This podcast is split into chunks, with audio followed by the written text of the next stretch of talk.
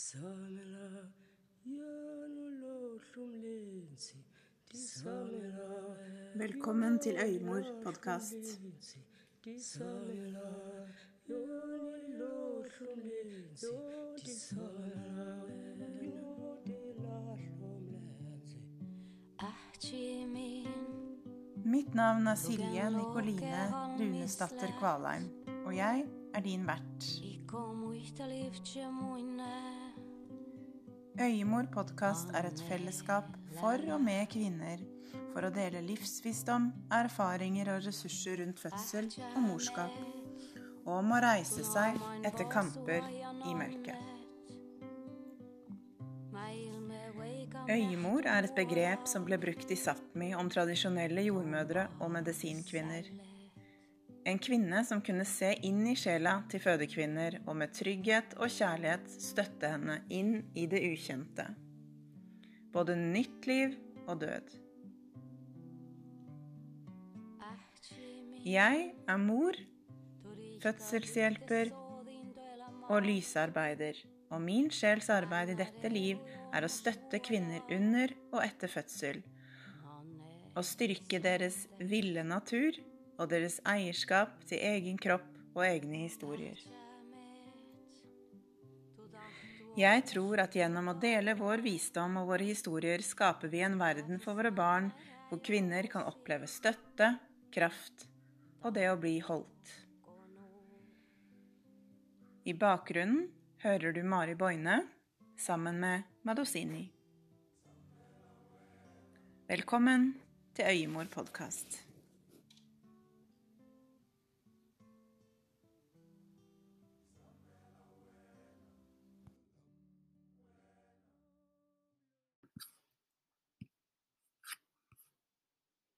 Velkommen tilbake til en ny episode av Øymor podcast.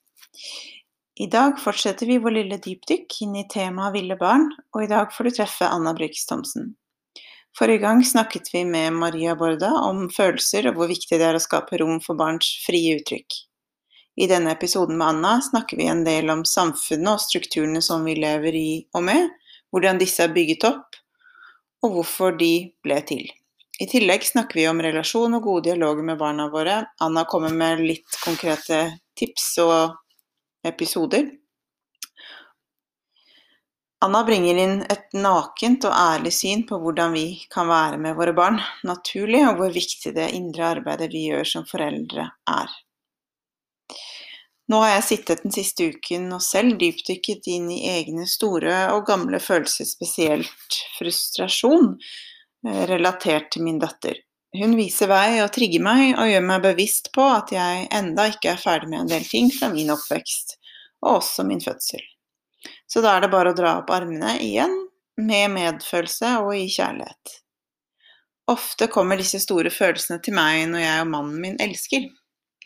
Jeg kjenner noe som kommer inn i mitt felt, et minne eller en følelse. Og forrige gang var det et kroppsminne mens jeg lå på ryggen øh, og vi elsket, eh, om stivhet i bekkenet og følelsen av lammelse. Dette var et minne fra operasjonsbenken når Indra, Indra ble revet ut av meg. Å ikke kjenne når min egen datter ble født, fordi jeg var bedøvet fra bekkenet og ned. Så elsket vi litt videre, og jeg kjente at hjertet mitt banket og en økende kulde i bekkenet og underlivet. Min kära man som lägger märke till vad som sker oppfordrer mig till att slippe det ut, och bara slippe det ut. Och först kommer en bølge frustrasjon, deretter åh, apati och motløshet, och deretter raseri och sinne. Den natten befant jag mig stadig på sykehuset, i rum med legene som overgrep sig på mig i fullt raseri. I hodet spilte jag ut vad jag skulle si, hvordan jag skulle si det, till alla där. Så jeg er tydelig ikke helt ferdig med det raseriet. Så det skal jeg forsøke å bli. Og et urbrøl er på vei. Og da skal jeg nok være lettere Da skal det nok bli lettere for meg å holde space for min datter. Men det jeg skal fram til med denne eh, episoden, eh, foruten viktigheten av ens eget arbeid som mor og menneske, er egentlig det mannen min gjør. Han puster med meg, hjelper meg opp i energi. Han stryker meg ikke forsiktig på skulderen og sier 'Å, det går over', eller 'det går bra'. Han klemmer meg hardt og øker sin intensitet parallelt med min. Han går altså ikke inn i min frustrasjon eller inn i mine følelser, men han speiler mine reaksjoner i sin egen kropp. Helt perfekt. Så virkelig vakkert og rørende. Det har vært en lang reise dit. Men det han gör där, det är det vi ska göra för våra barn, Och det önskar jag bli bättre på. När min dotter kommer med massa energi och frustration för exempel, så säger jag 'yes, jeg ser du är frustrerad, åh, det är massa stora känslor här. Vad ska vi göra för att få ut de känslorna? Jag har dig, jag passar på dig. Ska vi härja? Ska vi lösa? Löpa? Vad är det du tränger för att få det ut av kroppen din? For det skaper barn som vet hva de trenger, og ber om det, og tør å uttrykke sine egne behov og følelser. Så har jeg lyst til å dele litt om skolen, og i en historisk kontekst. For det er litt det vi snakker om i intervjuet med Anna. Når vi levde som jegere og samlere, som jo er mesteparten av tiden på denne kloden, fantes det jo ikke skoler. Kunnskapen som krevdes for å leve var stor, men også variert og dynamisk, praktisk og taktil. Kunnskapen var erfaringsbasert og kroppsorientert. Barn var med, for det var det eneste måten å sikre kunnskapen og dermed også overlevelse. Lek og hvile, arbeid og nytte fløt variert i forhold til dager, årstider og behov. Med jordbruksrevolutionen fick folk fast bosted. Kunnskapen om naturen, overlevelse, instinkter ble mindre viktig. Folk fikk flere barn, og arbeid ble mer og mer sentral del av dagen. Barna måtte hjelpe til med søsken eller med relevant arbeid som matlaging, slått eller dyrehold, og klokka begynte sakte å styre mer av hverdagen til de voksne, og således også barna. Land betydde penger og makt, og snart oppsto det store klasseskiller og en allianse mellom landeiere og kirke. Folk som ikke eide jord, måtte jobbe for å leve. Med den industrielle revolusjonen ble individets frihet betraktelig innskrenket. Voksne gikk i arbeid fra 8 til 16, og barn måtte oppbevares og skoleres utenfor hjemmet.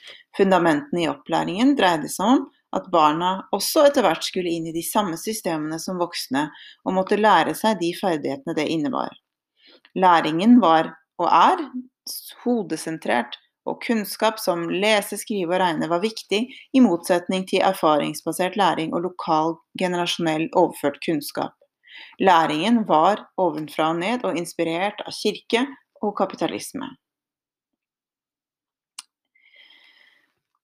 Det er der røttene til skolen ligger. Så når vi snakker om unschooling, så snakker vi jo om dette med å avlære seg disse flergenerasjonelle mønstrene som vi ser i samfunnet, som fremdeles er i aller høyeste grad i live i dag. Derfor må vi begynne å stille spørsmål og eh,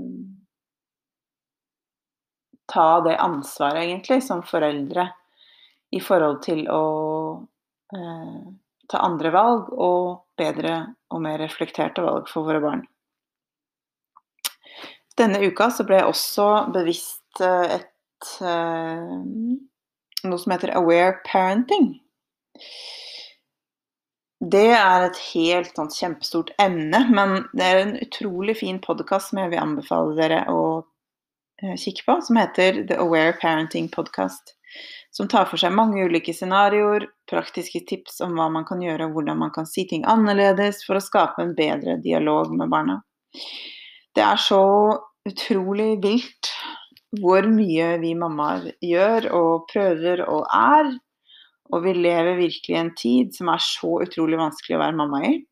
Lite eller ikke noe landsby, ingen storfamilie, få speil og i tillegg massiv kollektiv stress og angst og frykt. Så det er virkelig eh, viktig å huske å være myk og gi seg sjøl kjærlighet. 7. februari satt jeg i sirkel med fire mammaer på nett. Arrangementet het Mothering Womb Stories og ble arrangert av meg via iMothers-siden på Facebook. Det var første gang Eh, jeg hadde et sånt online-event, og det var veldig spennende og veldig fint. Vi satt sammen og delte erfaringer om liv og død fra hjertet. Så enkelt og så verdifullt. Det er sånn vi kvinner skal ha det. Det burde være hverdagskost for oss. Det beriker oss, det frigjør oksytocin og gir ny, verdifull, levende innsikt. Neste sirkel blir söndag 7. mars klokka åtte, og du er varm, varmt velkommen. Jeg er så takknemlig for de gode mammarelasjonene som minner meg på hvorfor jeg lever. Så nå over til Anna. Jeg ble tipset om Anna via min gode venn Hanna, som har bodd en del år i Danmark. Hanna er en mamma som gjør alt for sine to jenter, med kjærlig hjerte, sjelelig engasjement og nysgjerrighet og glede. Du inspirerer meg, gode Hanna, og jeg vet at du lytter til denne podkasten. Så jeg ønsket å gi deg en oppmerksomhet for det. Jeg er så glad for å kjenne deg. eh, ja, så jeg begynte å titte litt på Anna, hennes innlegg, og ble bare glad i henne med en gang. Det var en nytelse å snakke med deg, og attpåtil gjorde vi to opptak, for min telefon ikke fikk noen lyd på første runde. Så da ble vi enda litt bedre kjent, og kom enda litt dypere inn i materien. Nå til Anna sin bio. Anna Brix Thomsen er aktivist, taler og forfatter som förespråkar en radikal ändring av våra sam samhällsstrukturer och utbildningssystemet. Anna är utsprungen från Danmark och har bott i Sverige sedan 2011 och jobbar till dagligen som coach och kursledare, där hon stöder och utbildar föräldrar och vuxna som arbetar med barn. Anna är utbildad förskolelärare i botten och har även en master i utbildning sociologi. Anna driver bloggen A Teacher's Journey to Life, där hon bland annat utforskar vuxnas beteende genom barn. När Anna var 10 tog hon ett löfte om aldrig att glömma hur det känns när man är barn. Och det är detta löfte som för, fortfarande driver Anna i sitt arbete, professionellt och ideellt, där hon som aktiv i det danska, svenska och internationella alternativa utbildningsmiljö jobbar för barns rätt till självbestämmelse. Woo! Då går vi rätt på sak till intervjun med Anna.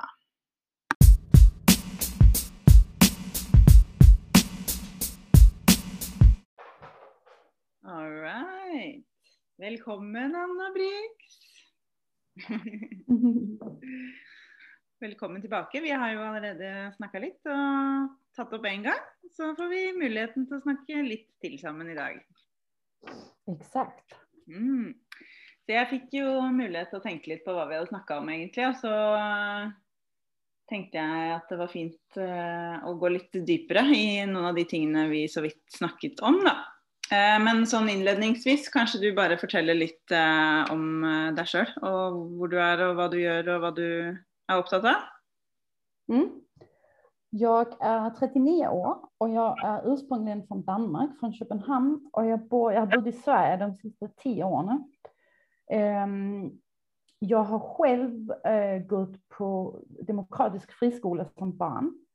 Och sen har jag ägnat mitt liv åt barn och åt barns rättigheter, barns utbildning, uppfostran.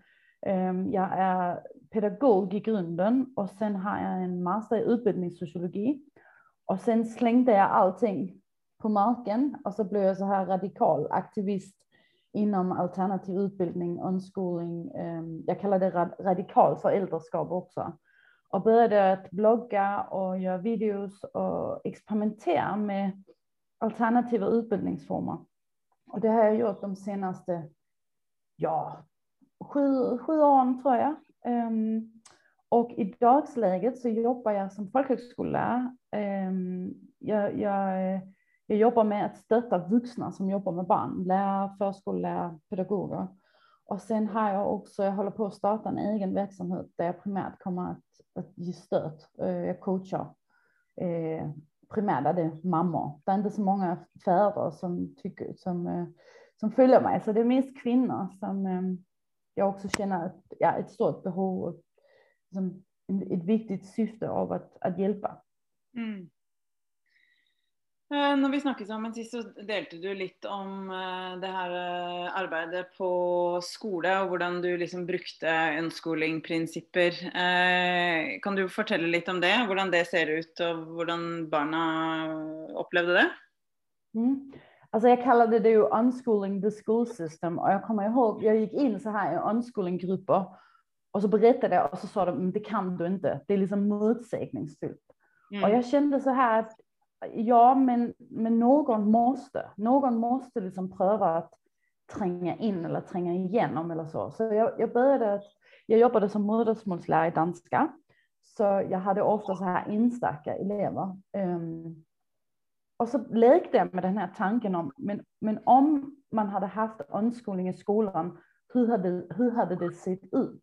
Mm. Ehm, och, jag, och jag såg det lite som, och det gör jag fortfarande, att jag ser lite mig själv som en, en person som hackar skolsystemet inifrån. Och jag tror väldigt mycket på att vi måste ändra det inifrån. Så jag gick liksom in och gjorde så här lite så undercover aktivism inuti, liksom i hjärtat av skolan. Och det är ju eleverna och barnen och klassrummen. Så till exempel så sa jag till mina elever, ehm, ni behöver inte komma om ni inte vill. Så jag, jag skippade liksom skolplikten som annars finns här i Sverige. Mm. Ehm, och de flesta kom ändå, men det var en liten flicka som hon var bara, okej, jättebra, hej då. Hon. Och, och det var hemskt att undervisa henne för hon ville inte. Mm. Så det var mycket mer, det kändes mycket bättre för mig och för henne. Vi hade inte jättebra kemi. Så, också för hon inte ville. Mm. Ehm, och sen så, ehm, så utgick jag mycket ifrån barnens intressen. Øh, och det är ju kan man säga ett stort princip inom unschooling och självstyrd inlärning. Det är ju att, att, att man själv tar sig an det man vill lära sig. Och många av de här eleverna jag hade, de älskade datorspel. De flesta faktiskt. Och de upplevde att deras föräldrar och deras lärare hade liksom ingen respekt för det.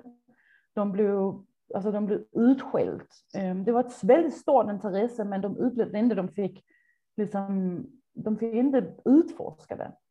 Så jag gjorde ett projekt där vi jobbade med de yngre eleverna. Så gjorde vi brädspel inspirerade av datorspel. Också för att leka med den här gränsen, gränsen mellan det analoga och det digitala. Mm. Och det var jätteroligt. Um, och sen med de äldre eleverna så skulle de göra sina egna datorspel. Och alltså sen i fantasin. Och vi lyssnade på datorspelsmusik och utforskade liksom. Och sen eh, när de hade gjort det här spelet så anlitade jag en, eller inte anlitade, men jag frågade en, en kille som var spelutvecklare. Och han kom och så analyserade han deras spel och berättade liksom, ja men så visade han, ja men du skulle göra det här hopp i verkligheten, då hade koden, så visade han så här 50 sidor kod, alltså hur, hur mycket det liksom går in till att göra det. Ja. Och jag hade några, några väldigt, liksom, väldigt djupa upplevelser i den här processen. Till exempel med en kille som ha- han gick i årskurs sju. Han hatade skolan. Han hade, han hade det här som många unga har, liksom, han litade inte på vuxna. Um, och det var svårt för mig att vinna hans tillit eller uppnå liksom, hans tillit. Och så kom han, han hade aldrig gjort läxor, han gjorde inte läxor i någon ämnen. Han var dyslexisk och han, alltså, han hade det tufft. Och så kom han väldigt så här andäktigt um, och försiktigt och så la han liksom en stack med ritningar i min hand Mm. som var helt otroliga. Och så hade han ritat det här dataspel och det visade sig att han var helt ofattligt bra på att rita. Och han berättade att han hade spenderat hela helgen på att göra det här. Wow. Och det var bara så, det var så rörande för mig. Att, och det bör- började liksom också den här resan att upptäcka att där inget barn heller vill än att lära sig. Men vi förstör det för dem. Alltså det är vi vuxna. Det här, åh varför är de inte motiverade, varför vill de inte? Och det är oss som skapar den miljön. Alltså vi skapar en skolmiljö och en hemmamiljö som gör det nästan omöjligt för barn att ha lust att lära sig. Mm. Och det känns bara så tragiskt. Mm. Så det har ju liksom blivit, man kan säga, hela mitt, mitt liv och hela min livsgärning. Mm. Och, och försöka hjälpa och göra någonting åt det här. Um, för jag tycker det är så tragiskt när de små barnen börjar i skolan när de är sex år. De är så sugna, de vill så gärna gå till skolan. Och de har liksom lys i sina ögon och så går det två, tre, fyra år och så är allt bara släckt. Mm. Och de är deprimerade och de är, har ångest och de mår dåligt och de litar inte på vuxna längre. Mm. Uff meg. Ja, nei, det er helt forferdelig. Ehm, jeg har bare lyst til å snakke litt om eh, for det- Du skriver jo så på, eh, innlegg eh, Eh, hvor du snakker litt om datteren din og hva- dere snakker om sammen. Og det er så fine innlegg og inspirerende. Eh, og så bare kjenner jeg liksom selv som mamma at eh, det har liksom eh, eh, inspirert meg da, til å ja, hva skal jeg si, snakke litt mer sånn eh, Være litt mer nysgjerrig da, på, på hva min datter går og, og resonnerer seg fram til og tenker inni hodet sitt. For det er jo eh, Det kunne jeg gjerne gjort litt mer i liksom hverdagen, ikke sant. Så jeg bare lurer litt på om har, det alltid, har du alltid på en måte vært der at det har vært en enkel kjemi eller dynamikk på en måte mellom dere, eller hvordan har du kommet dit at det flyter så sånn som det gjør? For det virker jo som det er en veldig sånn levende og deilig, fri eh, relasjon. Um, jag, det jag så alldeles mest fram emot när jag skulle bli mam- mamma, det var att ha de här samtalen med mitt barn. Så, och jag har ju jobbat med barn i många år, så jag har ju upp, alltså jag har ju liksom, man kan säga, jag har, det är ju lite, alltså så jag har ju professionell träning kan man säga, men, men det var också någonting som jag var väldigt medveten om eh, när jag gick in i, i föräldraskapet. Ehm, och, ehm, och sen har jag ju turen att jag har fått ett barn, alltså hon är den, hon är den människa i världen som påminner mest om mig. Ja. Jag har aldrig träffat någon som är så mycket som jag som hon är och det är fantastiskt för hon älskar att filosofera. Hon är, alltså, hon är tre år men hon är språkligt och liksom filosofiskt på ett väldigt högt nivå. Mm. Eh, och det var jag också själv när jag var på den åldern och det är så intressant att uppleva hur, hur de vuxna bemötte mig den gången. Och hur de inte såg eller förstod mig eller liksom såg potentialen i det som var möjligt. Men jag hade faktiskt en farmor som också pratade med mig på samma sätt. Mm. Ehm, så jag har också upplevt att bli taget på allvar som barn. Och har liksom alltså fått lära mig att jag har en röst och att min röst har rätt att bli hörd och den är viktig. Ehm, och sen, så, så det är liksom, det är ju ena delen var, varför det kanske verkar så naturligt, för det är naturligt. Men sen har jag också lärt mig mycket från, alltså från olika föräldraskapsfilosofier, ehm, till exempel den som heter RIE. Nu kommer jag inte ihåg vad det står för, men det handlar väldigt mycket om att fostra barns självständighet. Och de pratar om, det handlar mycket om bebisar och de pratar mycket om och ger dem väldigt så konkreta råd och instruktioner till hur man kan bemöta en bebis. Men det handlar väldigt mycket om att prata med sitt barn som en jämlik eller som en, alltså visa respekt för det människan de är. Att de är inte bara en liten söt gullig bebis, de är också ett, ett fullt, liksom, fullt manifesterat människa. Så att från min dotter var helt liten så har jag alltid förklarat allting. Mm. Alltså nu, nu, nu tar jag upp dig på pusselbordet, nu ska vi byta blöjan, sen kommer jag öppna blöjan. Um, och det, och det, det tog något tid för mig att, vad kan man säga, um, man orkar faktiskt inte riktigt med som vuxen. Alltså det är en sån en, en barriär, kände jag i alla fall. Där det kändes inte helt naturligt i början att prata med henne på det viset. Men sen kände jag liksom att det var, alltså det var det jag, om jag var den bebisen så skulle jag väl bli mött på det viset. Så, jag, har- så jag har också pushat mig själv att utveckla detta förhållandet. Och det är intressant att se hur min dotter har svårt att connecta ibland med andra vuxna för de pratar till henne som om hon är en karaktär. Mm. Och hon, hon har liksom ingen tålamod för det, för hon är ju van att bli bemött som ett riktigt människa. Mm. Det är ganska intressant att, att se. Mm. Att det är ju det är ju liksom en kultur man utvecklar. Så det är ju inget man bara gör liksom från ena ögonblick till det andra, tänker jag. Mm. Og hvordan har din liksom, mammareise vært i forhold til For det er jo det er jo gjerne sånn at man møter sine egne mangler i egen oppvekst, og altså at man blir trigga mye og sånn. Eh, vil du si litt om det, hvordan det har vært for deg? Um, alltså jag skulle säga att det är två saker som, som är mina um, men jag vet inte riktigt hur, hur, det kommer från min egen uppväxt. Men um, alltså min, en av mina stora utmaningar i mitt liv är min kropp och att och, och ta hand om min kropp. Och där kan jag ha svårt ibland. Alltså jag, jag kan vara väldigt mycket liksom en, en väldigt mental människa. Mm. Um, så då har jag för att pusha mig själv. Och sen den andra saken som jag har lagt märke till som är, som är väldigt smärtsam och väldigt liksom, och det, det kommer verkligen från min egen barndom. Um, det är en sån en känsla av disconnect med mitt barn. Där, um, som till exempel när jag skilde mig från, från min dotters pappa, då hade jag två, två månader där jag inte, alltså jag kände inte min kärlek till henne. Mm. Det var liksom helt stängt. Um, och jag ser också att när man blir stressad eller när jag blir stressad eller när jag är väldigt mycket någon annanstans, då kan jag inte connecta med henne. Och då blir det som att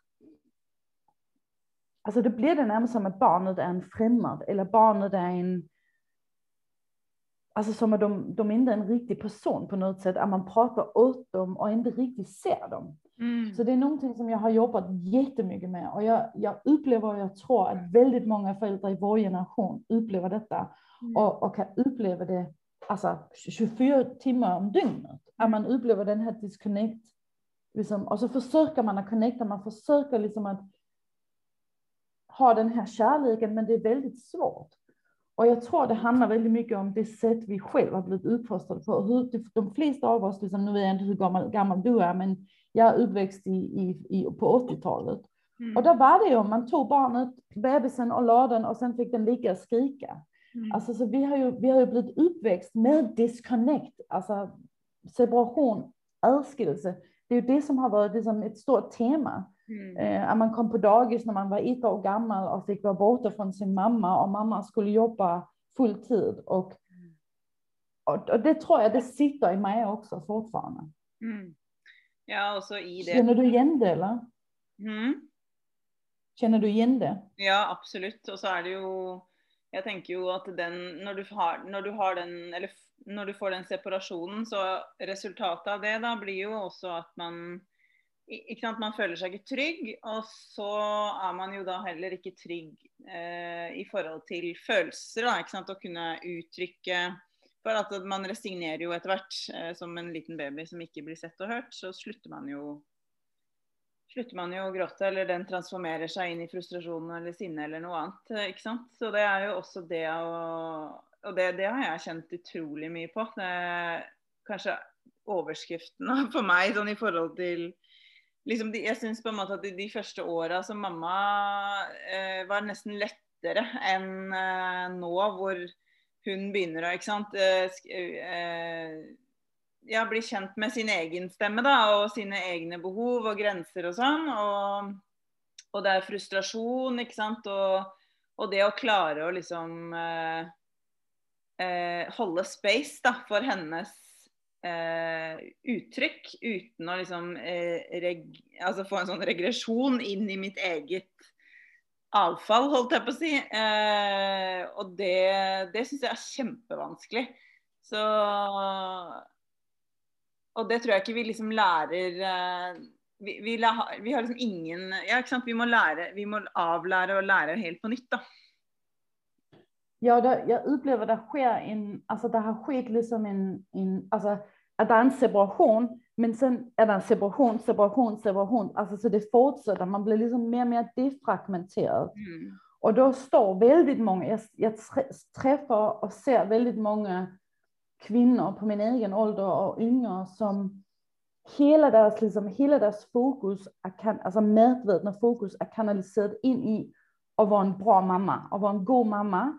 Mm. Och allt ska vara ekologiskt och det ska vara giftfritt och det ska vara liksom, man har den här sån bilden av det här vackra, lugna, kreativa föräldraskapet som bara flyter på. och så försöker man att liksom att utleva det. Och det funkar. Jag har själv, jag har själv, alltså jag känner det så djupt för jag själv har gjort det. Och man, man börjar kanske dagen så här, nu, nu ska det vara riktigt mysigt, nu ska vi ha det jättetrevligt. Och sen när klockan den är två eller tre, då krackelerar det. Mm. Mm. Och så börjar det liksom att rasa. Hela den här bilden liksom smuldra. Mm. Och det är också det här barnet blir trött, barnet har inte mer energi, barnet börjar bli gnälligt. Mm. Um, och så står man i den här situationen där man skriker eller man, alltså det händer liksom någonting var man, var man inte är den personen man, man vill vara. Mm. Men man, kan, man vet inte hur ska jag komma dit? Alltså hur ska jag, hur ska jag liksom bli till den här mamman på riktigt? Och så blir det så här, vi försöker göra det på utsidan, alltså vi försöker göra det ytligt genom att säga snälla saker, genom att prata, men vad du inuti har liksom en helvetesupplevelse. Mm. Alltså det känns, det känns ibland som man håller på att dö eller som man, alltså jag klarar inte detta. Jag håller på att explodera. Mm. Ehm, och, där, och där upplever jag att vi har verkligen mycket arbete att göra kring vår egen, som du sa, våra egna känslor, vår egen självreglering. Och det är det som blir triggad i de här ögonblicken. Mm. Sanningen om, för, för jag tänker, vi, man har ju kontrollerat, man har tagit utbildning, man har fått ett parförhållande, livet funkar ju. Det är ju liksom en sån en container omkring Mm. den här djupa, djupa sorgen som man ju också går med, som man i- de flestas fall, att man aldrig riktigt har tagit itu med. Mm. Och det kommer upp i de ögonblicken. Mm. Ja, så blir man jo så sårbar tenker jeg på i forhold til hvordan vi lever og Altså, jeg tenker hadde man liksom Eller har i hvert fall savna det så mye, og, og, og savner det enda. Det å liksom jag kunde så önska att eh, man är hemma då, med barn, att man hade liksom nabor överallt, där det var flera mammor hemma och man bara träffade varandra varje dag. För vi tränger ju speil. Vi har liksom ingen speil som står där när ting sker. När jag bara liksom, Eller vad, vad, vad det än är, så är det ingen speil som på något kan si Du, prøv det her. Eller liksom Nå kan jeg ta over litt. Eller liksom gå og skrik ute, eller hva nå enn det er. Så har du ikke den derre eh, Så man må liksom lære seg da, å balansere alle liksom behov og finne rom for uttrykk og liksom det är en sån där eh, dans hela vägen då. Och det, jag tycker det är ett extremt ansvar. Alltså, så, så upplever jag också så har vi så stora förväntningar på oss själva. Alltså jag upptäckte någon gång, jag hade en förväntan till mig själv att jag skulle vara perfekt. Och allt annat än perfekt var oacceptabelt. Och så satt jag liksom på mitt köksgolv och grät. Och så började jag skratta. För hur absurd, det är ju helt absurt att ha en sån förväntan på sig själv. Man kan ju inte göra annat än att fejla. Om man tänker, jag måste vara perfekt, jag måste vara bäst, jag måste liksom, och så blir det så här, det blir som ett press. Men jag menar, de flesta av oss, vi är ju inte utbildade ut detta. Man har ingen redskap. Tvärtom så kommer man ju in i, i moderskapet med en massa liksom, dysfunktionella liksom, saker man aldrig har tagit hand om. Och så är det liksom en förväntan att man ska kunna klara det här bara på kärlek. Och Kärlek, kärlek en, en, är liksom det enda, om du bara har kärleken så kommer det att gå bra. Men det kräver ju kommunikationsförmåga, det kräver att kunna avläsa ett annat människa. Det kräver att du har lärt dig sätta gränser. Det kräver, alltså jag, jag säger ju att det att vara mamma, det är ju en ledarskapsroll. Mm. Ja, Mm. virkelig. Og så er det jo liksom Jeg s- satt og hørte på en annen podkast her for eh, noen dager siden som heter Aware Parenting. Og da snakket de om eh, ikke sant, at det er så mange foreldre som blir så frustrert fordi de føler at barna ikke respekterer dem. Og så, og så tenker jeg jo at Eller så sa de da at liksom, først så må du elske og respektere deg selv. Eh, og så må du elske og respektere dine barn, og så vil jo dine barn elske og respektere deg. Sånn at du kommer jo på en måte ikke bortenfor den indre jobben, da. Først. Den går liksom først. Ja.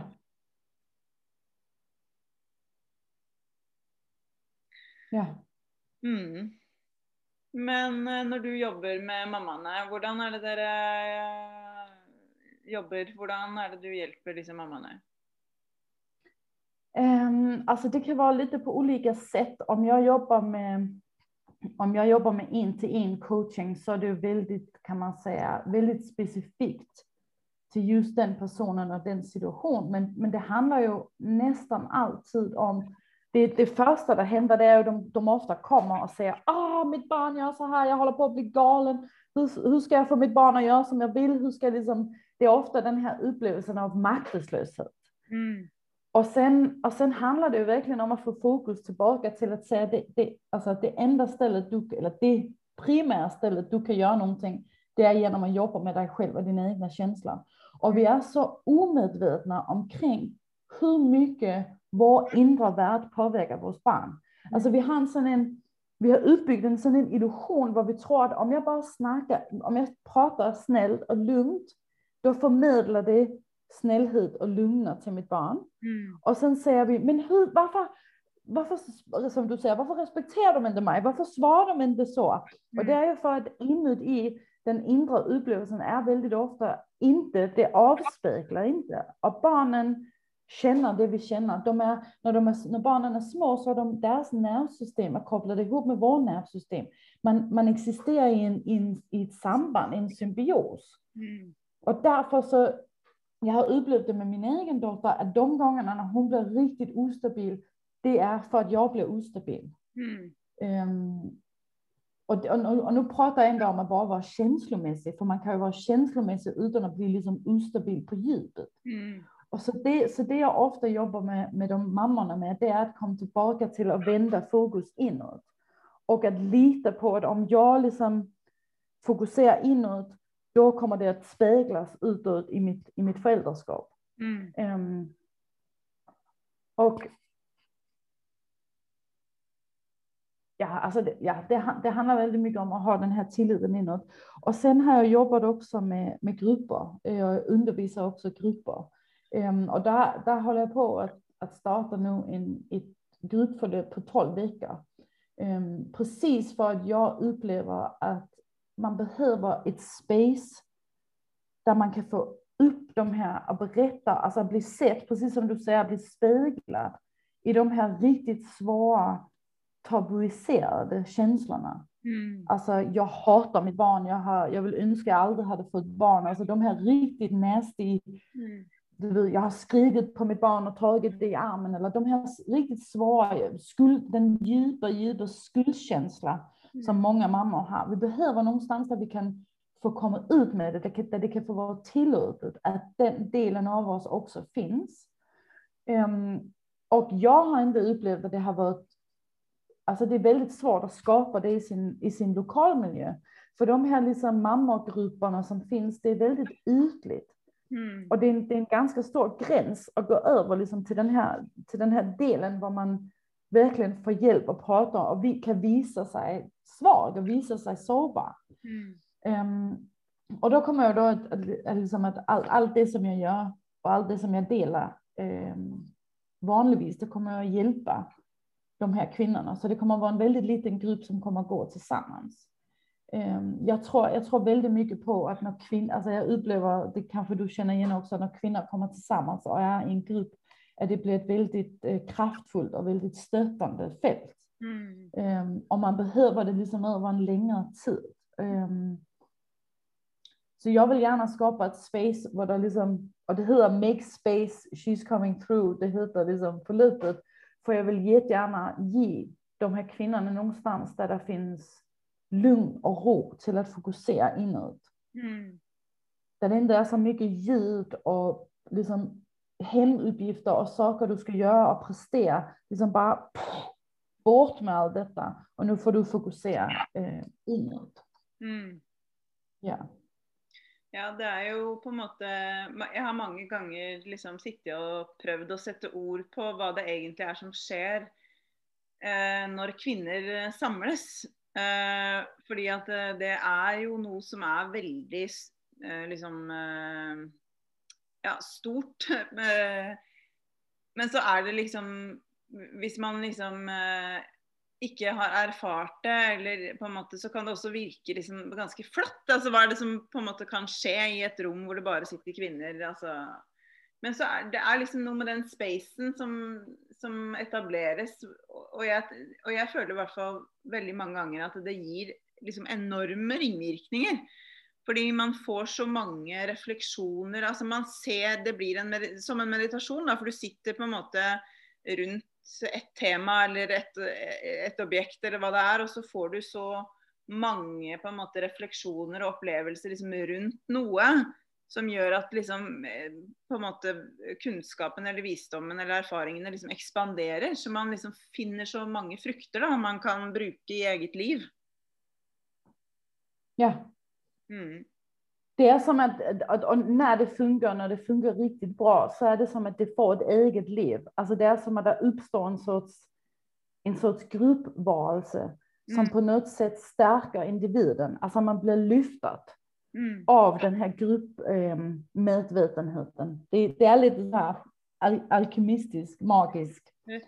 Det händer liksom någonting. Ja. Mm. Och, och jag har ju experimenterat väldigt mycket med att göra det online för att det är ju liksom, det, det är den världen vi är i just nu. Mm. Och jag upplever faktiskt att det är fullt ut möjligt online. Det är ju klart att det är tusen gånger bättre än när man kan sitta runt en, en eld liksom. Mm. Men, men det är väldigt viktigt för mig att finna lösningar som vi kan implementera här nu.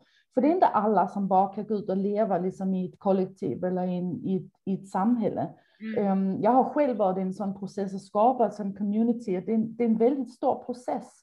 Det är, Mm. inte, det är inte någonting man bara gör och vi behöver, vi behöver lösningar här och nu. Mm. Ehm, som man kan gå in i direkt. Och jag upplever att om man verkligen har en intention och man har en, alltså, om man verkligen vill det så går det att skapa online också. Ehm, som tur, alltså. Ja, virkelig. Det, det, det, det rommet man skaper når man er online, eh, det er egentlig litt sånn fascinerende, syns jeg. For at du da opplever du på en måte hvor eh, eh, ekspanderende, eller hvor eh, mye da, vår bevissthet kan romme. At det liksom går eh, forbi tid og rom. Det liksom er ikke noe eh, begrensninger egentlig for å connecte i hjertet. da. Exakt, och jag är så glad för att du säger det.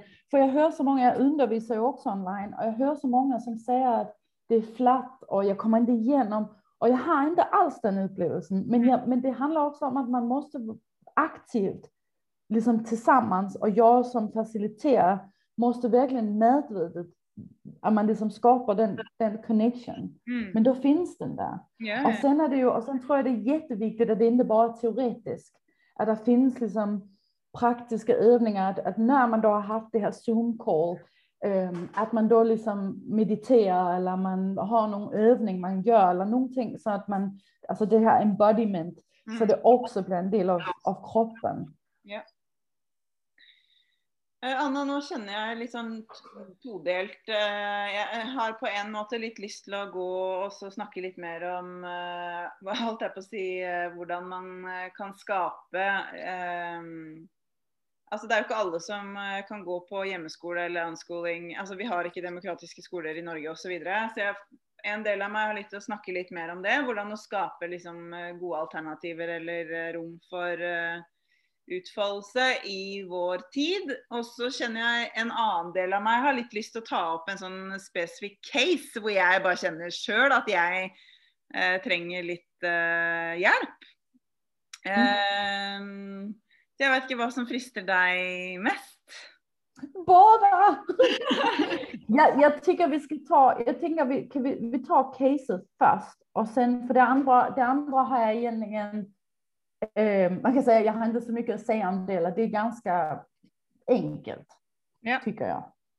Så eh, vi kan också ta det först och sen, Ja, vi kan ta Ja, vi kan, godt, vi kan jo ta det akkurat hva man gjør i samfunnet, holdt jeg på da, For eh, eh, Eh, bare sånn for en liten input, så er jo ikke sant, hjemmeskole er jo lov per definisjon da, i hvert fall i Norge i dag. Og, men, eh, og det er jo klart det er ikke så veldig mange privatskoler å, å velge mellom og sånn. Så hva er det man gjør liksom som foreldre? Hvordan kan vi liksom støtte det frie barnet. Ja. Ehm, alltså det, jag, jag är själv i samma situation. Min dotter blir fyra nu i denna månad och i Sverige är hemskolning ju stort sett helt olagligt. Det går inte. Och det finns inga demokratiska friskolor i Sverige. Alltså det är verkligen utstyrt. Um, så alltså, och, och då tänker jag, det är ju varje familj och varje situation är ju, är ju unik och individuell. Och det pratade vi också om förra gången, det här med man kan inte göra regler. Mm. Och jag tycker det är jätteviktigt att man får titta på sig själv och alltså bara för att man tror på omskolning är det inte detsamma som man måste göra det. Man får titta på hela sin, sin helhet. Alltså det är nästan det, det bästa rådet jag vill ge. Um, för det kan ju vara så här att man har gamla föräldrar som, som, som man har en väldigt stor anknytning till. Och det kan vara andra saker i ens liv som också är en stor prioritet. Mm. Och det jag upplever, min, min dotter började i, eh, på förskola deltid eh, när hon var tre och ett halvt. Hon har varit hemma tills det. Och det var inte liksom för skoj hon började där. Det, det var, vi var, vi var nöjda, vi, vi, vi hade behov för att ha en lösning. Eh, vi hade haft ett familjekooperativ innan, men det funkade inte. Och då tänkte jag så här, shit, liksom, nu kommer hon in i systemet, nu blir hon liksom en del av detta. Um, och så upplevde jag faktiskt att min dotter har inte gett sitt hjärta till de här vuxna. Um, och det är ju tragiskt kan man säga. Jag vill ju önska att de kände kärlek åt henne och hon kände kärlek åt, åt dem om man ska vara tillsammans hela dagen. Mm. Men nu har vi ett system i Sverige där förskollärare och hela den värld och skolvärlden, det ska vara väldigt professionellt och det ska vara en distans. Och det jag upplevde det var att vår anknytning är så stark och vi har så bra ett förhållande så hon, hon blev faktiskt inte påverkad på djupet av att vara där. Vi har varit tillsammans så länge och vi har så starkt ett förhållande och hon vet vem hon är, hon vet vad hon hör till. Mm. Och det överraskade mig. Och, och det har liksom fått mig till att tänka att alltså, familjens, och, och det kommer jag också tillbaka till den här, alltså min, min liksom, alltså vi är, vi kopplade, våra kroppar kopplade ihop. Vi hänger ihop. Om jag kan hålla och etablera den här djupa kontakten med mitt barn, så det är liksom inte skadligt för henne att gå till skolan. Hon kanske inte lär lika mycket, ironiskt nog. Um, men det är i alla fall inte skadligt för henne. Det är kanske liksom tråkigt eller det händer dumma saker. Men det, det jag har insett nu det är att det kommer inte liksom att förstöra hennes själ. Mm. För att vi har så starkt liksom en, en, ett hemmiljö och principer omkring livet. Så det är de principerna och värd, värdegrunden som hon har med sig. Mm. Och jag har upplevt andra familjer som har samma upplevelse. Att de vill gärna omskola, men de kan inte flytta från Sverige. Och därför måste de sätta barnen i skola. Men, men själva livsprincipet fortsätter. Så det vill jag bara säga till de som liksom känner sig rädda eller oroliga. Mm. Um, att det måste inte vara antingen eller. Nej. Och alltså, om man tänker lite så här eh, civil olydighet så kan man ju leka med, med närvaro. Och, alltså man måste ju inte, bara för barnet går i en vanlig skola, måste, betyder det ju inte att man måste överge allting till, dem, eller till den auktoriteten. Mm. Och det jag skulle rekommendera som jag har jobbat i många, många, många olika skolor, det är att om, om jag skulle säga, liksom, för folk frågar mig ofta, vilken skola skulle man, ska man då välja? Och då vill jag säga, strunta i pedagogiken. Mm. Ehm, för det är faktiskt inte så avgörande. Det som betyder någonting, det är människorna. Mm. Och, och enligt min erfarenhet, det är ju mindre en skola det är, ju bättre brukar det vara. Mm. Ja, absolutt. Det er jo på en måte eh, Det er vel kanskje det som er eh, liksom litt av den makten som foreldrene har, som man ofte kanskje ikke bruker. da, fordi at eh, det er jo litt eh, det, Eller altså, det kan jo være litt utfordrende å så gå inn i liksom en rolle hvor man skal sette spørsmål ikke sant, ved skolens eh, autoritet. Eh, så jeg kan jo virkelig si at eh, jag jeg velger jo hjemmeskole av flere grunner, men en av de er jo fordi at jeg anser det som mye lettere og mindre problemer og bare ikke være en del av det, eh, enn å skulle gå og si nei, vi vil ikke gjøre lekser, eller nei, jeg vil ikke ha pad på skolen, eller eh, nej, nei, jeg vil ha uteundervisning, liksom, eller ikke sant. Det er så, eh, så mange ting som er trått da, å gjøre noe med. Men at det er, det er jo på en måte en viktig rolle vi foreldre har, uansett. Og så stille de spørsmålene og skape en eh, uh, revolusjon, da. Ja, alltså för jag tror ofta vi upplever att systemet är den här auktoritet som liksom bestämmer över oss och som har makt över oss. Men vi måste inte glömma om vi, om vi ska titta så här helt liksom samhällsorienterat eh, så är du ju, du är skattebetalare Mm. och en skola, alltså de ägs av dig. Ehm, i, I alla fall om det är en kommunalskola. Alltså vi är kunderna. Men samtidigt vill jag också säga att jag, jag uppmuntrar inte att man går upp emot skolan och säger okej, men vi vill egentligen en skola, men nu kommer vi att ställa krav. Alltså man får ju, Mm. man får ju liksom glida med, man får ju hitta ett flow där man kan, pra- alltså och tänka också, det är ju bara människa. Det är liksom inte, att man inte är så jätterädd för det där stora systemet.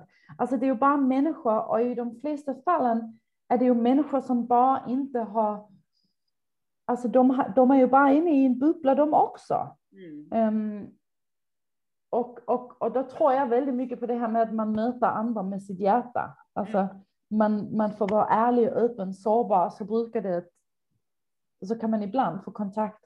Men jag tror inte det där med att man ska gå upp emot eh, och liksom kämpa emot systemet. Det, det skulle jag inte heller vilja göra, för då, då blir man slaktad. Liksom. Det, eh, ja. Ja. Uff a. Det høres slitsomt ut. mm. Ska vi, Ja, ska vi nej. ta casen, casen då? Ja, nei, det var bare for at jeg eh, Det er noe jeg kjenner på da. Nå har jo eh, Og det handler om mat, mat, mat matsituasjon, eller så spise sammen, da. Eh, og det er egentlig Problemet er meg. Altså, jeg opplever den situasjonen som eh, Altså, det koker inni meg, liksom. Jeg er anspent, jeg er sur og jeg er sint med en gang jeg nesten setter meg til bords. Eh, og som oftest, i hvert fall eh, når jeg spiser sammen med datteren min og mannen min, da, så eh, jevner han ut eh, den energien.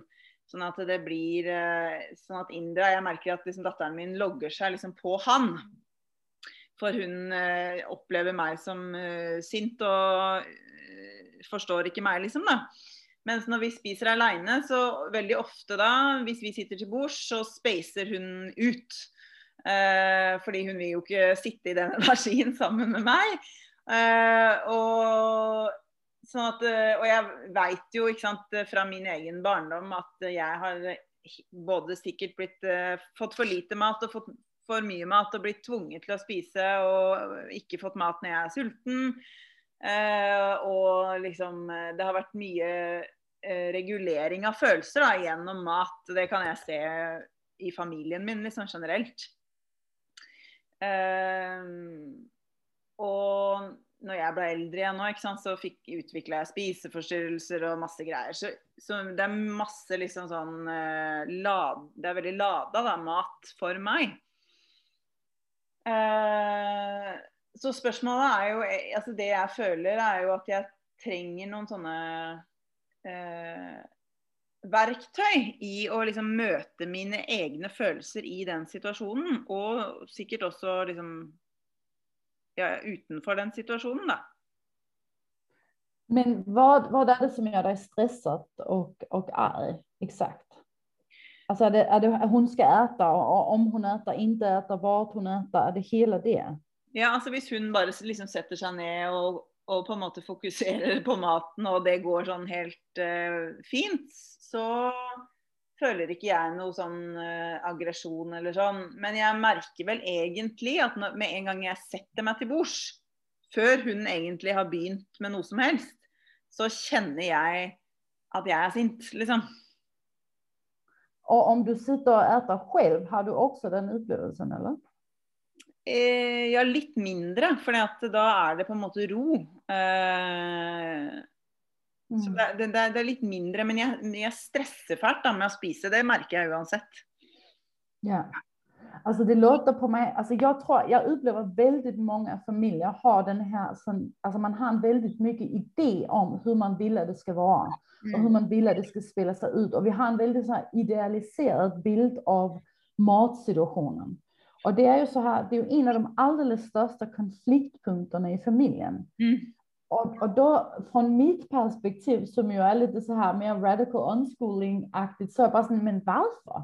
Varför ska vi sitta och äta så här? Varför ska vi inte? Så om jag, alltså, för, men det låter på mig som att det, det, är en, det är en större grej för dig. Det är inte liksom bara en liten, alltså att du liksom vill kontrollera. Och det är väldigt personligt låter det också som. Mm. Så jag hade liksom, jag hade, om jag hade varit där så tror jag jag hade öppnat upp liksom en hel process omkring detta. Hvor du, hvor du undersöker ditt förhållande med det väldigt nyfiket. Och liksom blir nyfiken på ditt eget förhållande till mat, ätande, familjesätande, matsituationer. Ehm, och då hade man kunnat ex- experimentera. Men vad hade hänt om ni hade suttit på golvet? Jo da, vi gjør det. Vad- Vi, har- vi Ok. har jo gjort litt sånn forskjellige ting. Så vi har jo Først så spiste vi på bord og stoler. Og så har vi spist litt på gulvet. Og så har- vi Så vi sitter egentlig på gulvet og spiser på et lavt bord. Ok. Eh, Men det når Vad jeg, om ni inte äter tillsammans? Om, ni, om, du, om du helt avslutar det här med att ni som familj ska sitta tillsammans. Det hade också varit intressant att utforska. Mm. Så att när din dotter äter så är det bara hon som äter. Händer det någonting då? Det kan också vara spännande. mm. Så jag tänker du får öppna upp liksom hela, alltså för det låter lite som en sån Pandoras ask. Ja. som du liksom försöker, du försöker bara hålla, hålla den liksom. Men, men tänk om du tog en mer, en mer liksom mild och liksom, alltså, blid approach, där du är nyfiken på det. Mm. Och, låt, och, alltså, och, liksom låter dig mer, liksom, att du liksom um, kliver tillbaka och har en mer sån, vad ska man säga, observerande. Och det kan ju vara att ni blir överens om att din, ma- din man ansvarar, att du inte, alltså att du liksom inte ska liksom involveras alls i vad din dotter äter eller inte äter eller, Mm. så det hade jag nog gjort. Mm. Hur, hur kä- känner du att det skulle kunna hjälpa dig? Ja, jeg, jeg føler jo det. Eh, men jeg, jeg, jeg veit ikke. Det er litt sånn som du sier, at det føles som Pandoras eske, liksom. Eh, det er nok en del følelser der som jeg nok må liksom uttrykke. Antageligvis Mm. i en eller annen annen Mm. kontekst. Som Ja. bare på en måte treffer meg. Bare det er liksom mat inn i bildet, så er det en sånn eh, Mm. trigger. Ja, liksom, det er, Ja. det er nok ikke egentlig liksom henne, men, men samtidig så er jo hun bare en sånn liten versjon av meg. ikke sant? Så jeg blir jo Ja. liksom minna på så mye av det, de smertene fra Och det, Ja.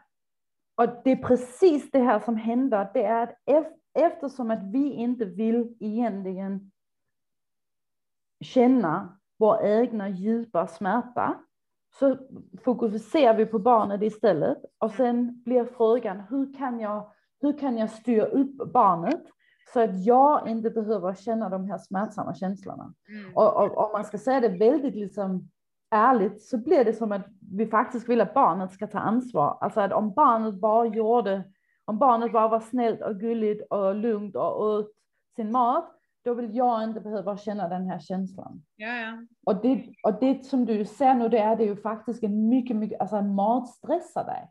Mm. Så det är ju egentligen hela ditt förhållande med mat som det, det handlar inte alls om henne. Nej. Och, och sen, men sen är grejen, och där var det ju blir komplicerat, det är ju att hennes förhållande med mat och matsituationer kan bli påverkat av ditt förhållande med mat och matsituationer. Så det blir liksom nästa generations Mm. issue. Øhm, och det är ju der, det liksom blir komplext, men, men det är också der, hvor jag fortfarande vill säga att lösningen är, också för ditt barn är så litet, så lösningen är att, att du löser det dig själv. Och de har, de har, barnen har så lite liksom traumen och så lite liksom lager av issues. Så, så när du löser det dig själv så brukar det gå väldigt fort att de anpassar sig. Ja. Ja, og så er det jo ikke, ikke sant Det er ikke som at hun Altså det er jo barn som bare slutter å spise helt, eller overspiser, eller liksom sitter og hyler og skriker, eller hva det er. Men altså, hun gjør jo ikke det. Det er ikke det at hun Det, det er bare jeg, egentlig, ikke sant, som opplever situasjonen så intens eh, inni meg, liksom. Eh, Det måste vara väldigt stressande för dig. Alltså att, att skulle, när du själv har det så svårt med det, att sen också skulle ansvara för ett annat människors, ett annat människors format, att annat människor överlever. För det är, ju, det är ju verkligen också, alltså det är ju någon, alltså det är mycket på spel. mm. Och jag tänker det måste vara väldigt stressande när du inte, alltså när, när det är så svårt för dig själv. Mm. Ja, det men bare det å snakke om det Selvfølgelig er jo en sånn eh, Ja. Jeg har jo på en måte ikke egentlig tenkt så mye over hvordan det var sant, når jeg var liten. Mm. Bare det å snakke om det gjør jo at jeg liksom husker en del frustrasjoner jeg hadde når jeg var yngre. da, ikke sant? Blant annet at mamma Altså de ikke lagde mat jeg likte, da. Eksempel at jeg aldri en måte Mm. følte at jeg fikk noe mat som jeg syntes var god. Og at det Ja. ble en sånn kjempefrustrasjon og sinne da, i meg. At liksom Hallo, her er jeg, liksom. Jeg Ja. trenger noe jeg også liker. Ja. Eh, så det er jo masse sånne minner, egentlig, bare man begynner å snakke om det. Och det, och det är ju precis för att vi har normaliserat, jag skulle ju kalla det misshandel, eller vi har normaliserat ähm, ähm, misskötning. Så du har ju, för att ingen sa, men det är fel och det är inte okej att de behandlar dig så, eller det är inte okej att vi är så emot dig, så har du ju trott att, jaha men det är bara så, det är tydligen. Och det är ju därför man inte liksom tänker över. För man tror att det är ju helt normalt och helt okej att vuxna är så mot barn, att de beter sig så mot barn. Men hur skulle du känna om din man nu alltid gör mat du inte tyckte om? Och när du sa, hej, kunde du inte göra någonting jag tycker om? Nej, det, du får äta det som finns. Ja, ja, Man skulle bli jättearg. Ja, du gæren. Ja, det er helt sånn eh, kjemperespektløst, vet du. Och det är ju en fantastisk healingsprocess möjlig också, där du kan vara någonting annat för din dotter. Och att verkligen utveckla ett förhållande. Alltså det, jag jobbar också väldigt mycket med mat med min dotter. Vi har, där är också issues. Och en av de sakerna som jag verkligen älskar, det är så här att förbereda en tallrik till henne med det mat jag vet hon tycker alldeles mest om. Och, och liksom ställa den framför henne. Och det, och, och det, är liksom, det är verkligen gjort med kärlek. Och det är liksom inte mat som, du vet, det är inte tallriksmodellen. Det är inte liksom, hon, hon tycker om äggvita och, och äpple och choklad. Det är liksom det, är det hon äter. Alltså, men men hon, blir, hon blir jätteglad och jättetacksam. Och man ser verkligen den här, det här att bli mött. Alltså det, det, är, och det är på något, på något sätt helande för mig också. Mm. Um, så, så där tänker jag också att du kan använda ert förhållande och det, alltså din intention om liksom att älska henne och visa respekt för henne. Det kan du faktiskt använda till också hela din egen process. Ja, det er sant. Og liksom Ja, eh, åpne litt opp for den der rigiditeten Eller som ikke bare ha den der rigiditeten, kanskje. Og så egentlig bare si 'hva har du lyst på i dag', Eh, da lager vi det. Og så liksom Ja, ja, snu litt på flisa. ja, exakt. Och, och du kan börja med, för jag tänker nu det här är en så stor punkt, så, så då skulle du kunna börja med, det några små saker, några små, små upplevelser där ni, där ni kan mötas? Där Mm. ni liksom mötas över någonting ni kanske båda tycker om. Mm. Och liksom, oj, jag har köpt den här grejen som jag vet du också tycker om. Och så har ni ett litet ögonblick där ni bara sitter och njuter det tillsammans. Vindruvor eller kex eller choklad eller någonting. Mm. Som, som också kan vara alltså ett långsamt, att du bygger upp ett, i ett förhållande av tillit med mat och ett tillåtelse. Mm. Ja, det er egentlig jeg, tror- jeg tror egentlig når du sier det, så vi, vi gjør jo det, ikke sant, hvor vi har sånne hyggelige stunder med mat. Men eh, det er nok litt den derre eh, den der, liksom, Nå skal vi sette oss ned, og så skal vi spise det som står foran oss. Det er liksom det som er greia nå. Det er, det er nok litt av den derre konteksten, ja, som blir eh, For jeg kjenner ikke sånn aggresjon eller sånn hvis vi liksom setter oss på sofaen og spiser frukt, liksom. For da går det, er det bare sånn hyggelig. Men det er liksom noe med den der, akkurat den ja, rundt bordet der og alt det der eh, greiene der. Jo, for för det är den här, den här, alltså den här, vad kan man säga, bilden eller den här situationen existerar ju inuti dig som lagring av minnen och minnen. Alla de gångerna du har blivit tvungen att sitta ner, alla de gångerna du har fått serverat mat du inte tyckte om. Mm. Där har du ju, alltså, så du blir ju triggad av bordet, stolarna, nu ska vi äta, alla de liksom olika visuella, luktmässiga, ljudmässiga ehm, symbolerna kan man säga. Det Mm. triggar ju dig in i den, Mm. i den upplevelsen, för där ligger en massa minnen som du kanske inte liksom har, har förlöst och som du inte har, har, har verkligen gått in och har känt. Mm. Som ni kanske ska börja äta på soffan eller, eller använda det som ett sätt att öppna upp den här. Mm. ehm, Ja, det hørtes befriende ut. Nå kjente jeg at jeg ble helt sånn, helt sånn glad. For at man kan jo bare drite i det en periode. What the fuck. Man må gi faen i det, og så gjør man det på en annen måte. exakt, Mm. exakt. Och är också det här att vi är, så, vi är så besatta av det här med att det ska vara liksom Ja, men och så ska man sitta och så ska barnen lära sig och så ska man äta. Men det är så mycket som vi glömmer bort, alltså förhållandet, connectionen, det att utveckla ett positivt, liksom, öppet förhållande till mat. Mm. Så det, vårt fokus blir liksom på någonting som egentligen inte är det som bygger upp. Liksom, alltså vi tänker att vi gör bäst för våra barn. Vi tänker att det här det är det som de behöver lära sig. Men Mm. egentligen är det kanske någonting helt annat. Mm. Ja. Og så er det jo noe med liksom å bryte opp litt, tenker jeg, i eh, strukturene, liksom. For strukturene er jo i utgangspunktet der for å tjene liksom, innholdet. Eh, og, og Exakt. Ja, det mm. annars blir man ju slav till strukturen. Och det är ju, och det är ju precis det här normaliserade att, att ni inte styr era egna liv. Det är ju en, det är en kulturell konstruktion där Mm. det också är det som styr. Mm. Ikke sant. Mm, takk, for, eh, takk for det, Anna. Det var deilig å få litt sånn input på mitt eget eh, åh, hue. Det, är ju sån här, vi, det, vi behöver ju andra människor. Det är ju precis det du sa innan. Vi mm. behöver ju kunna prata med någon om detta. Det är ju inte, alltså man, det är ju inte meningen man ska sitta med sånt här själv. Mm. Och det är jättemånga som har liknande upplevelser kring mat. Alltså, och det är så synd att vi inte har liksom utrymme och ställen där vi kan, där vi kan lära från varandra och bolla med varandra. Ja, ja, ja.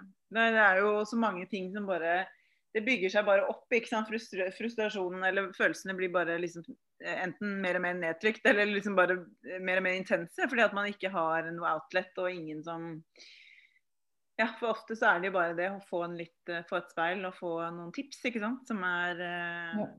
eh, ja, liksom burde være hverdagsføde for eh, mammaer, liksom. Ja, Mm. jag håller med Eh, Anna, vil du eh, fortelle litt om hvor eh, man kan få tak i deg og eh, ja, hva du tilbyr eller kan tilby? Mm. Um, ni får jättegärna följa mig på Instagram och ni får jättegärna om ni liksom känner fan hon vill jag connecta mer med så får ni jättegärna lägga till mig som vän på Facebook. Um, jag delar ju väldigt mycket, väldigt ofta, gör en del lives, det är väldigt, oftast väldigt spontant.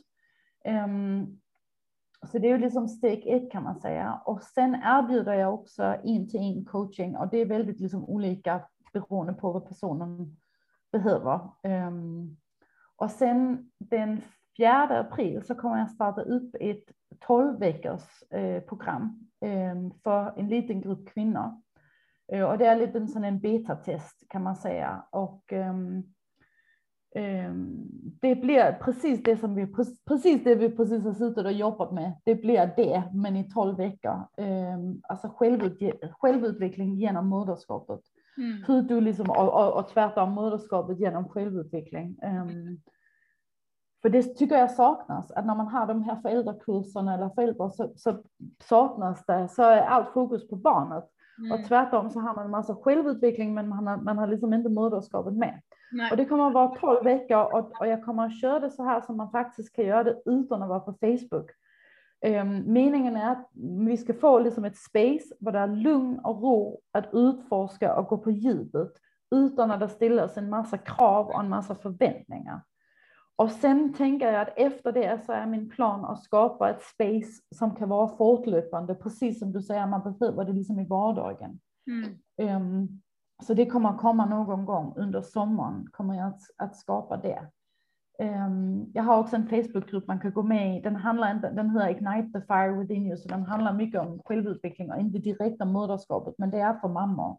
Mm. Och sen så kan man, om man vill, eh, så gör jag också så här eh, transformerande tarotläsningar. Eh, som är verkligen, då går man verkligen på djupet. Och det är om man känner sig helt fastlåst och känner det här väldigt så här djupa existentiella behovet för att få en, liksom en skupp. Alltså där, men då ska man vara redo. Det är väldigt kraftfullt eh, och starkt. Eh, Mm. Så det är, de, det är liksom viften av de saker som jag erbjuder. Ja, kjempekult. Jeg tenkte vi kunne lage en egen liten videosnutt med akkurat den tarotlesningen. Men eh, Ja. sånn avslutningsvis, eh, er det noe du har lyst til å liksom si eh, fra hjertet til lytterne, mammaene, som går, går i sin egen boble? Ja, jag har lust att säga till er och till dig som lyssnar att du är inte alene. Du är inte ensam. Och alltså det att det känns så tufft. Um, det är inte för att det är någonting fel på dig, det är inte för att du är en dålig mamma. Um, det är verkligen den situation vi alla står i. Och det är möjligt att ändra på det. Det finns människor som kan hjälpa. Det finns, liksom, det finns andra som känner samma sak. Och det behöver inte vara ett tabu eller någonting vi inte pratar om. Um, det vill jag bara säga. Du är inte alene. Mm. Tusen takk, Mm. Anna. Takk for eh, alt du gjør, og alt du deler, og at du har et åpent hjerte, og at du kommer hit og snakker med oss. Tack så tack. jättemycket för att jag fick. Mm. Tack. Ha det bra. Ha det.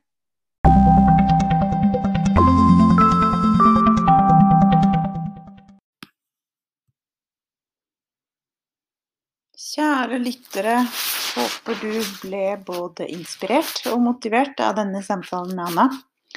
Tusen takk, Anna, for din deltakelse i podkasten og for ditt unike og råe arbeid på denne jorden. Du inspirerer meg, og jeg er glad for å kjenne deg og ditt glødende engasjement. Du kan finne mer info om Anna på hennes nettside www.annabrix med x, Thomsen med h, punktum nett eller på Instagram at Anna Brix Thomsen. Jeg anbefaler deg virkelig å sjekke ut Anna sitt arbeid, og hun har så mange treffende innlegg på Instagram som er en glede å, å lese. I forbindelse med denne episoden gir Anna 50 avslag på en transformativ eksistensiell tarotlesning som vanligvis koster 1100 svenske. Er du interessert og nysgjerrig på det, så følg med på Facebook-gruppen iMother, hvor jeg kommer til å lage et eget innlegg om dette fredag 19. februar. Og husk Mothering Womb Stories, sirkel 7. mars klokken 20. Sirkelen er for alle kvinner som har lyst til å dele, eller lyst til å støtte og lytte. Det er ingen liken, liten sak, det å skape slike trygge rom for hverandre. Det skaper enorme ringvirkninger. Jeg oppfordrer deg til å komme med et åpent hjerte. Kanskje vet du noe du vil dele, kanskje dukker det opp noe underveis. Bare ha tillit. Alt er velkomment. Det er like viktig å være et vitne til andres historie som det er å dele. Historiene våre former oss, og det er alltid uendelige lag i hver fortelling. Og alle lag er like viktige. Kom og bli sett, del fra din sjel, og la oss håpe og la oss skape en verden hvor kvinner sitter sammen i respekt, visdom og kraft. Neste episode får du møte to veldig kule damer som heter Ellie og Shannon. Intervjuet blir på engelsk. Jeg møtte disse damene her for noen år tilbake, eh, Och og det var min introduksjon til eh, unschooling. For disse damene er altså begge hatt, eh, vært eh, hjemme og vært anskola hele livet. Så vi skal snakke om hvordan det har vært, og fordeler og ulemper rundt dette. Og det er virkelig to dritkule damer. Så det er bare å glede seg til. Det blir siste eh, episode om akkurat det her temaet for nå. Du kan lese mer om mitt arbeid som fødsel- og barselhjelper, samt høre tidligere podkaster på www.imother.com. Og du kan også støtte mitt arbeid med denne podkasten med et månedlig lite bidrag på www.patrion.com imother. Du kan også finne meg på imother på Instagram. Neste episode kommer 12. mars. Velkommen igjen.